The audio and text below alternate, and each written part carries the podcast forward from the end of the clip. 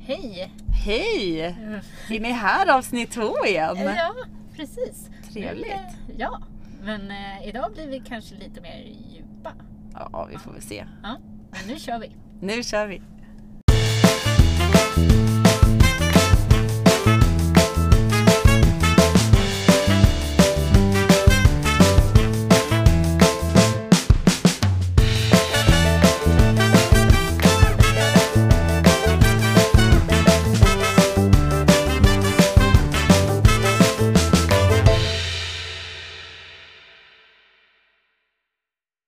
Sitter i Go to Tens lokaler, det här behöver jag ju nämna, ehm, som är där man kan hyra poddstudios gratis. Ehm, och det är Vindal Music som har eh, gjort våran schyssta jingel. Yes. Då kör vi igång för idag då. Mm. Vi ska väl börja prata lite om eh, din resa. Mm. Din historik lite kring din ADHD. Mm. Den är ju lång. Men vi ska försöka ta det kort så vi själva orkar eh, ha fokus här. Ehm, Det är ingen somnar. Nej, precis. Eller zoomar ut bara. Ja, precis. Men egentligen kan man väl eh, sammanfatta det bara eh, att jag eh, fick ju, jag blev ju utbränd, eller jag blev eh, sjukskriven ska jag säga och det var ju egentligen tack vare eh, läkaren som jag eh, besökte för jag sökte upp henne. Eh, jag kände mig helt förstörd, jag grät på jobbet varje dag. Ehm, och till slut så stod jag inte ut längre och fick komma på en eh, tid hos henne och hon säger att, eh, att jag borde sjukskrivas, att jag håller på att bränna ut mig. Eh, varpå jag säger att det är ingen fara, jag kan gå tillbaka. Och hon säger då att ja, men du kan du gå tillbaka, men jag, då vill jag träffa dig igen om två veckor. Och då kommer jag förmodligen behöva sjukskriva dig då. Så då förstod jag väl lite allvaret i det där. Och eh, tilläts bli sjukskriven. Eh, vilket i sig var väldigt eh, tungt. Eh, men jag mådde verkligen jättedåligt under den perioden. Eh, och tillsammans med henne började vi eh, eh liksom reda ut eller testa vilken medicin som kanske skulle kunna hjälpa mig. Eh, och redan efter fem veckor var jag ju tillbaka på jobbet 100 procent. Eh, Oj. Vilket kanske, nu så här i efterhand så förstår jag inte riktigt hur jag orkade med det. För att pröva ut medicin är i sig väldigt jobbigt. Det tar väldigt mycket på, i alla fall för mig tog det väldigt mycket på min på välmående. Alltså, jag kunde må bra men jag hade också väldigt mycket ångest av att pröva ut rätt. Liksom. Men var det hon som tyckte att du skulle gå tillbaka till jobbet på 100%? Ja, vi, efter tre veckor var jag tillbaka 50 men hon sa det att eh, det är viktigt för att visa mot Försäkringskassan att man är villig att komma tillbaka snabbt. Och jag kan egentligen bara hålla med för de frågor som jag fick eh, varför jag var sjukskriven och allt det där. Det krävs, man måste nästan vara frisk för att orka svara på dem. Mm. Så det kändes nästan lättare att gå tillbaka. Mm.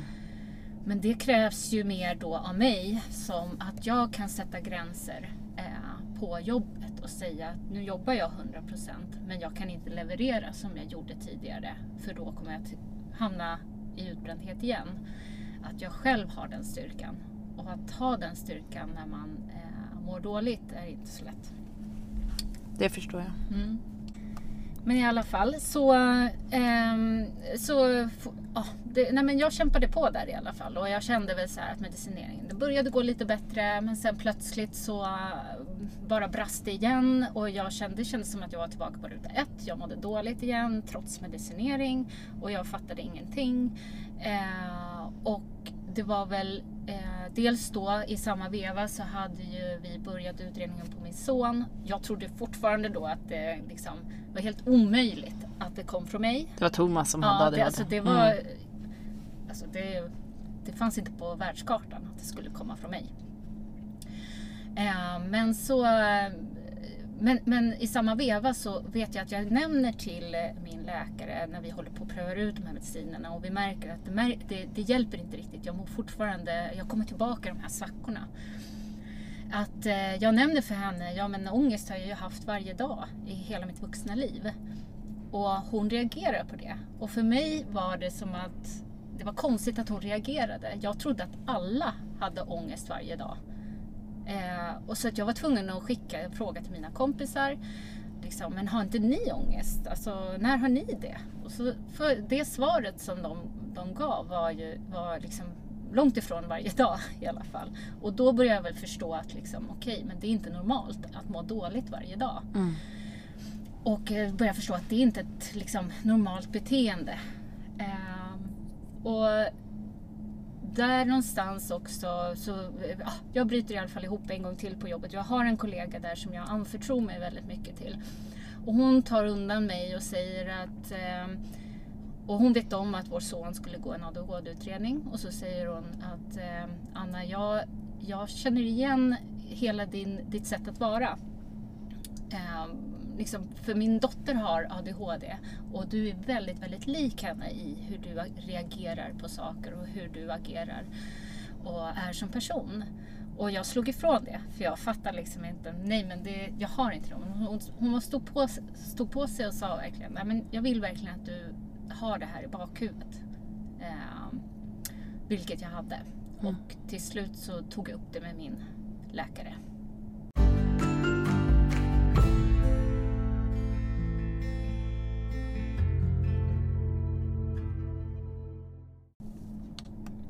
Ja, men då, det som händer är att jag till slut tänker att Alltså för jag ser ingen annan utväg till slut. Eh, jag känner verkligen att det är en, en eh, återvändsgränd hela tiden och jag fattar inte hur jag ska ta mig ur det här när inte ens medicineringen hjälper. Så då lyfter jag det här med min läkare att min son går på ADHD-utredning och då sa hon bara stopp, stopp, stopp. Du har inte ADHD. Och då sa jag, jo men jag vill i alla fall utreda om jag har det. För det känns, när jag läser på om kvinnlig ADHD så ter den sig annorlunda mot eh, killars ADHD. Och då säger hon, nej nej, men dig går det ju att prata med. De, jag tror mig, jag träffar så många kvinnor.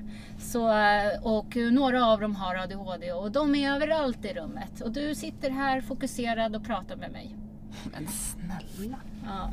Och eh, jag kände väl så här, men eh, okej, okay, då förstår jag. Hon förstår inte. Eh, men jag måste stå på mig här. Så jag sa att jag vill i alla fall att vi gör en grundutredning. Och då skickade hon mig till en psykolog där jag får fylla i alla de här kriterierna och vi har ett första samtal och hon sa direkt att jo, vi behöver skicka dig för en utredning. Och vad pratar ni då om hos, hos psykologen? Ja, förutom att gå igenom de här kriterierna då, eller självskattningen som man gör.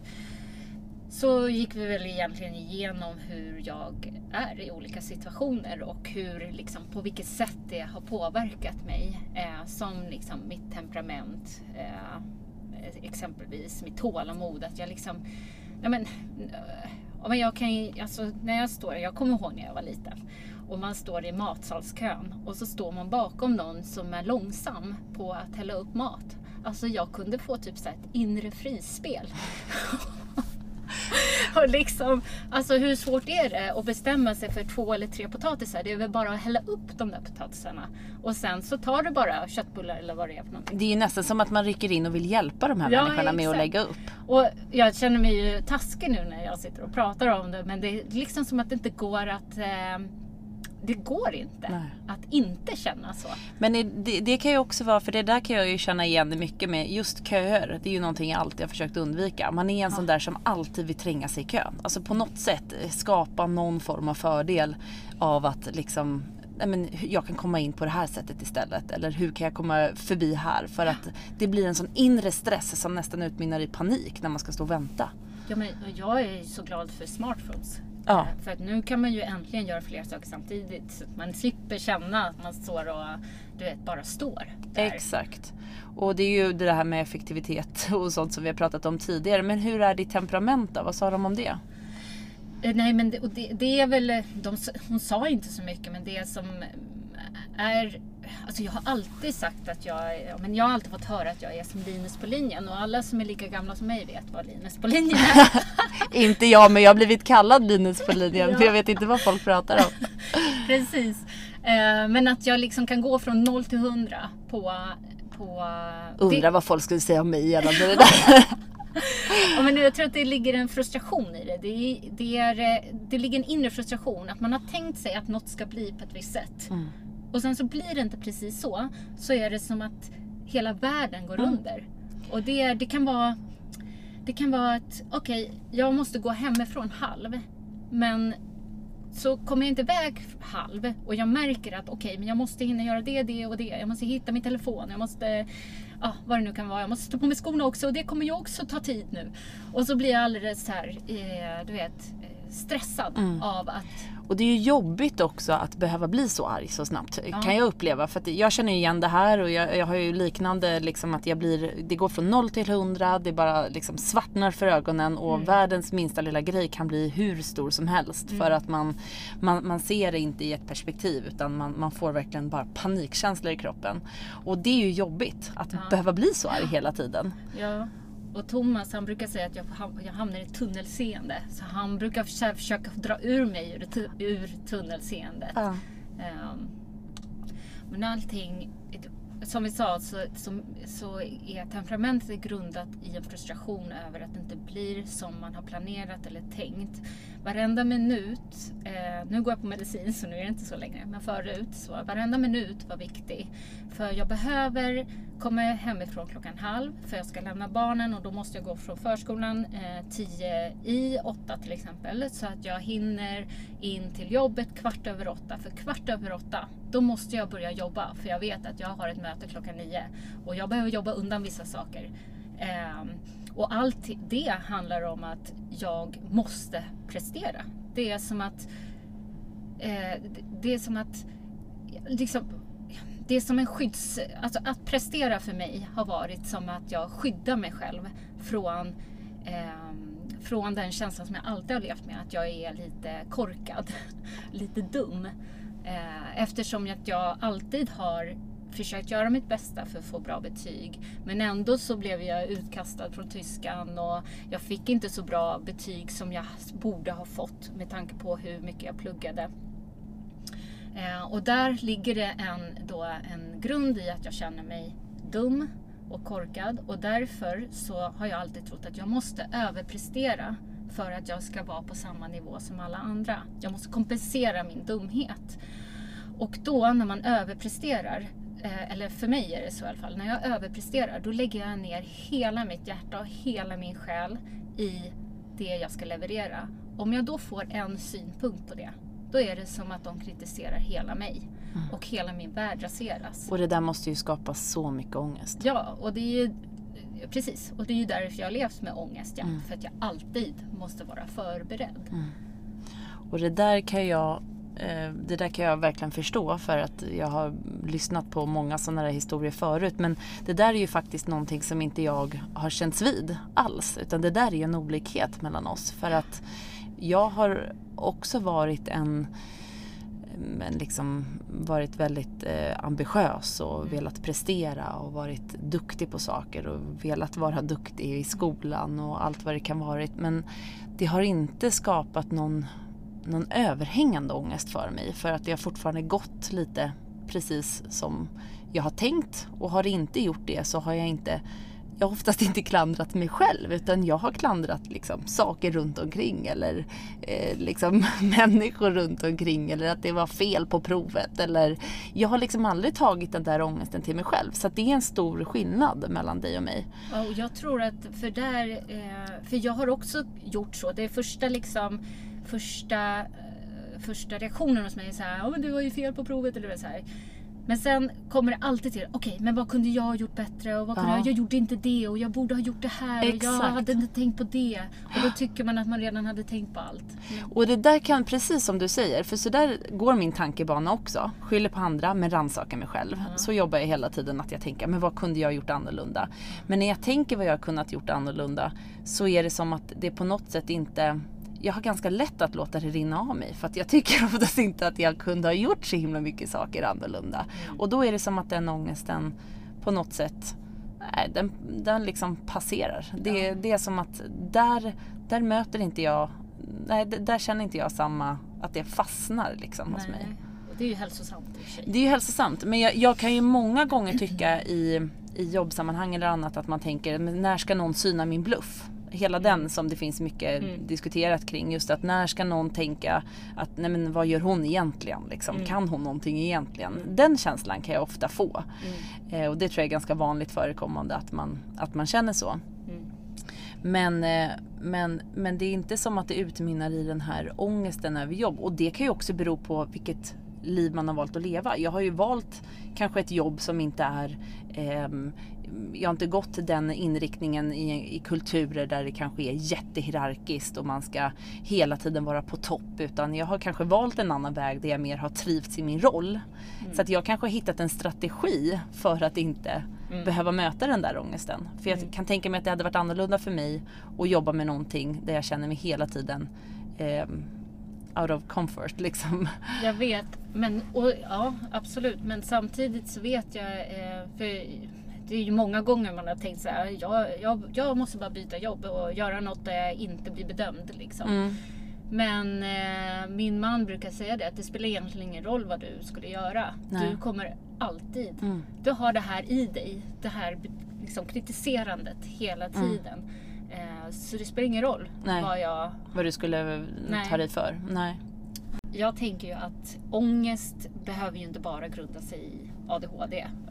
Utan det finns ju massor med olika orsaker till varför man utvecklar en ångest. Och för olika saker, kanske inte bara jobbet, det kan vara andra saker. Och du har ju din hälsoångest och jag vet ju väldigt lite om hypokondri. Eller det heter hälsoångest, men man brukar skämta om att oj, jag är hypokondrisk. Ja men så är det ju och det är ju så jag har levt mitt liv med att man har skojat om att jag är hypokondrisk och att jag är liksom hela tiden tänker på sjukdomar och hittar symptom och att det har varit liksom som ett det har ju varit ett stående skämt och så det är det ju fortfarande. Jag såklart kan skoja om de, om de sakerna men, men på senare år och sen jag fått barn och sådär så har det ju blivit mer att det är inte bara en, en, ett skoj utan det, det präglar ju lite hur jag behöver leva hela tiden för att det blir en latent ångest över att, och tankar. Det blir så himla mycket tankar som går åt att, att tänka ut vad jag är för sjuk eller vad mina barn är för sjuka eller vad som ska hända.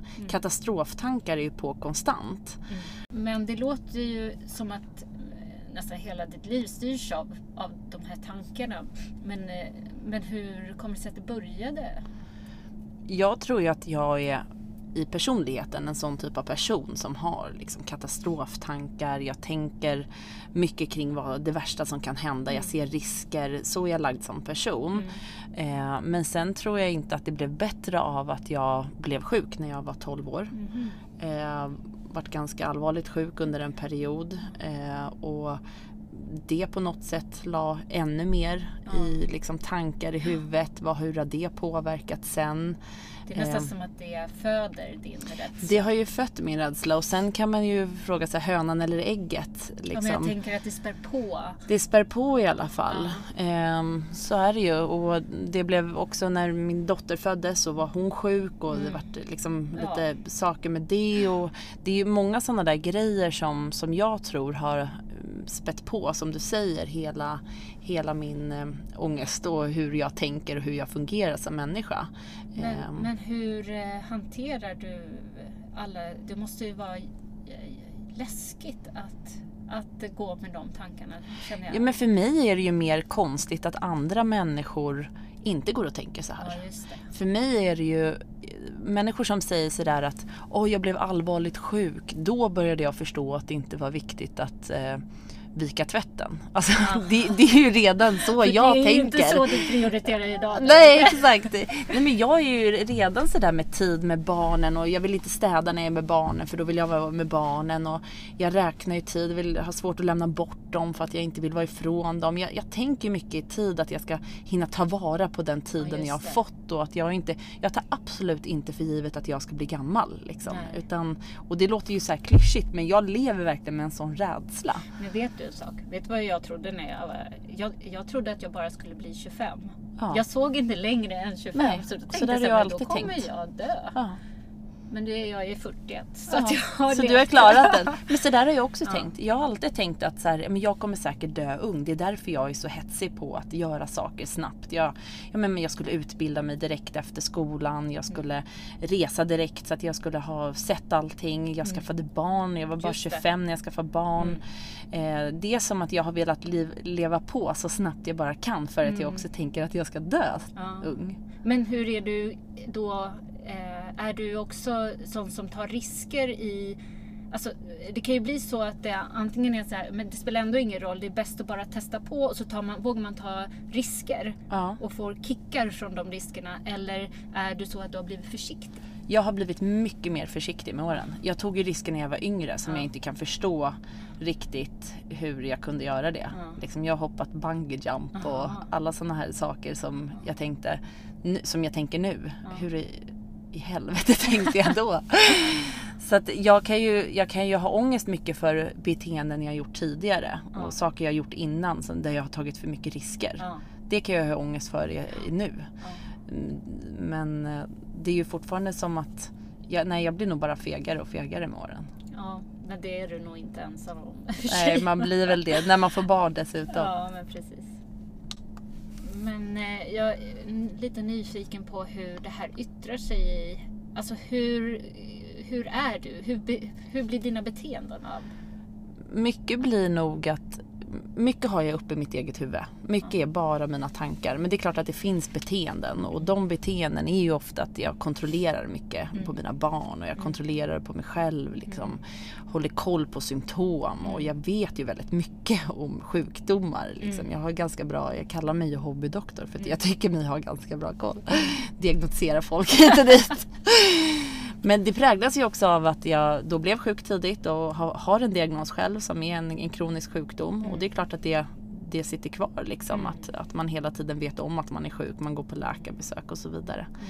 Ehm, så att det, det är väl mycket, det är väl den ångesten som jag har som jag kan se relaterat till ADHD och ångest så är väl det den enda ångesten som, som jag har i alla fall som är den förstärkta delen av Det kan väl vara så att just du är så rädd för att bli sjuk och att dina eh, nära och kära ska bli sjuka så att det kanske inte finns så mycket annan eh, annat utrymme och energi att lägga fokus på som jag har ångest kring eh, eller prestationsångest kring jobbet och sådana saker. För Exakt. dig blir det egentligen bara banalt Ja, eftersom det blir ju helt för, nonsens. För dig är Ja. det liksom Det spelar ingen roll för nej, mig. För för jag dig är tar... det som att det redan, du redan har en dödsdom. Liksom. Ja men precis. det är ju så. Ja. Det låter så sjukt men det är ju faktiskt så Ja. att eh, jag tar ju jobbet på fullaste allvar när jag jobbar Ja, och så. Men, såklart. men jag är ju väldigt mån om också att få eh, ha ledig tid med barnen och Mm. liksom hela den biten. Så att visst är det så. Och det väl, leder väl oss lite in på de här skillnaderna mellan dig och mig. Mm. Och det kommer vi prata lite mer om i nästa avsnitt. Ja, men jag tänker också att vi kanske ska börja beta av den här, eh, eh, den här eh, kriterielistan. Eh, självskattningslistan som man gör och kanske ta, gå in på lite skillnader men kanske också börja ta lite eh, från den listan och se hur eh, du är kring det. Absolut. Jag tänker att ångesten är ju ett sätt i hur vi är olika. Men oftast när man pratar om ADHD så vill man försöka hitta likheter hos varandra. Eh, Men, men vi är ju alla individer och uttrycker eh, våra liksom, eh, utmaningar eller de utmaningar som vi har på olika sätt utifrån hur vi är som personer. Och vi har ju flera saker som är eh, eh, skillnader mellan oss. Precis. Ja, och det, alltså, och det kan ju, orsaken kan, till det kan ju vara hur vi är. Alltså, jag är en mellansyster Mm.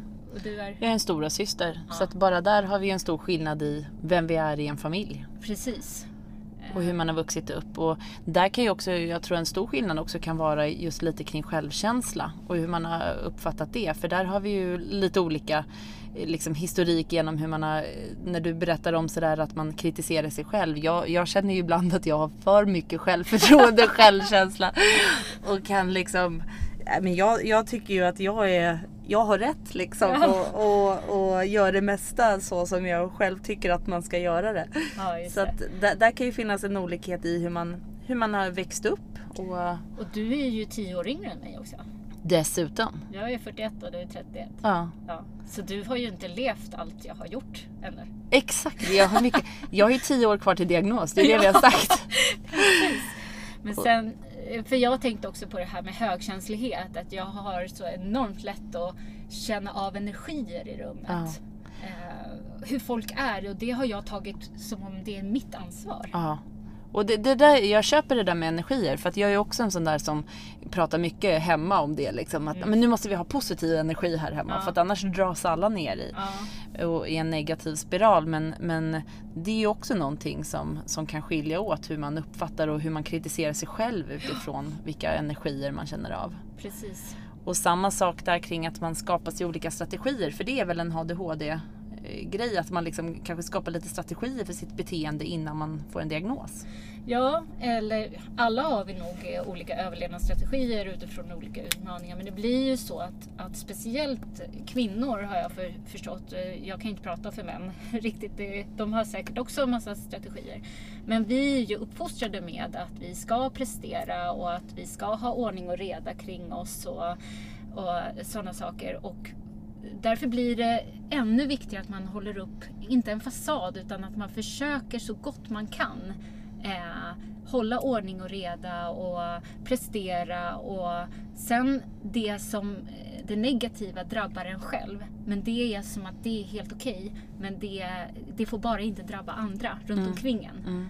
Och det är det som sen till slut leder till utbrändhet. Mm. Att man har haft de här, byggt upp de här strategierna för att man ska klara och inte få andras liksom, nedslående blickar på att men gud vad du är stökig eller, Mm. eller så. Mm.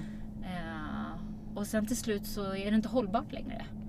Och det där är ju så intressant och det är ju det som vi kommer diskutera i nästa avsnitt. Just om, eh, gå igenom alla de här kriterierna för ADHD och se vart, vad, vad har jag som stämmer överens med det? Ja. Och vad, vad skiljer sig? För det, jag kan tycka att många saker stämmer överens men också att det finns en del saker där vi är olika. Ja. Och det behöver ju inte betyda det ena eller det andra men Nej. det ska bli spännande. Så nästa avsnitt så kommer vi gå igenom ADHD-kriterier. Hej då! Hej då! Glöm inte följa oss på Instagram, ADHD-kvinnan och hypokondriken.